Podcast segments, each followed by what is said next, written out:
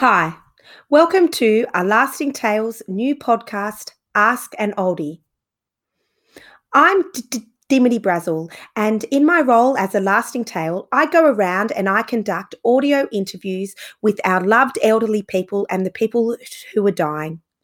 I have just get so much wisdom every single interview and so much laughter. It's a privilege to be part of this.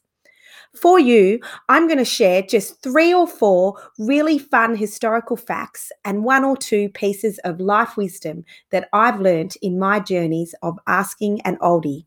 So listen here for about three minutes of fun and thoughtfulness, or here on Ask an Oldie. One, Esperanto's Esperanto means to provide hope, seek justice, make peace. There was a movement after World War II for Esperanto to become the universal language of peace throughout the world. Wouldn't that have been fantastic? Every time nations wanted to talk to each other about peace and getting on together, we would have all used that language. Unfortunately, it seems English might have won out. Number two, Goat skin wine bags originated in Spain and were still widely used to carry and drink wine throughout Europe in the 1950s. I think with all the talk of aging and oak and fruit and blueberry tingles and currants on our nose and blah, blah, blah, maybe life was simpler when you just chucked your wine into your goatskin bag. Number three, Dr. Benjamin Spock was the first real celebrity baby expert of the Western world. He freed parents rearing their children in 1946 with the mantra, You know more than you think you do. He was the first childcare expert to encourage parents to treat children as individuals, to be flexible and affectionate.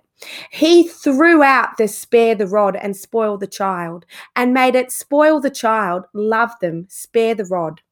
It's Dr. Spock who can be blamed for the excesses and, of course, the successes of the baby boomer generation. Did you know that olive oil was only sold in chemists in Australia in the 1950s and 60s? It was only to be ingested solely for medicinal purposes. So if you wanted to make your traditional spaghetti bolognese, it was up to the chemist and straight away for a purchase. And number five, What's this week's life advice from an oldie?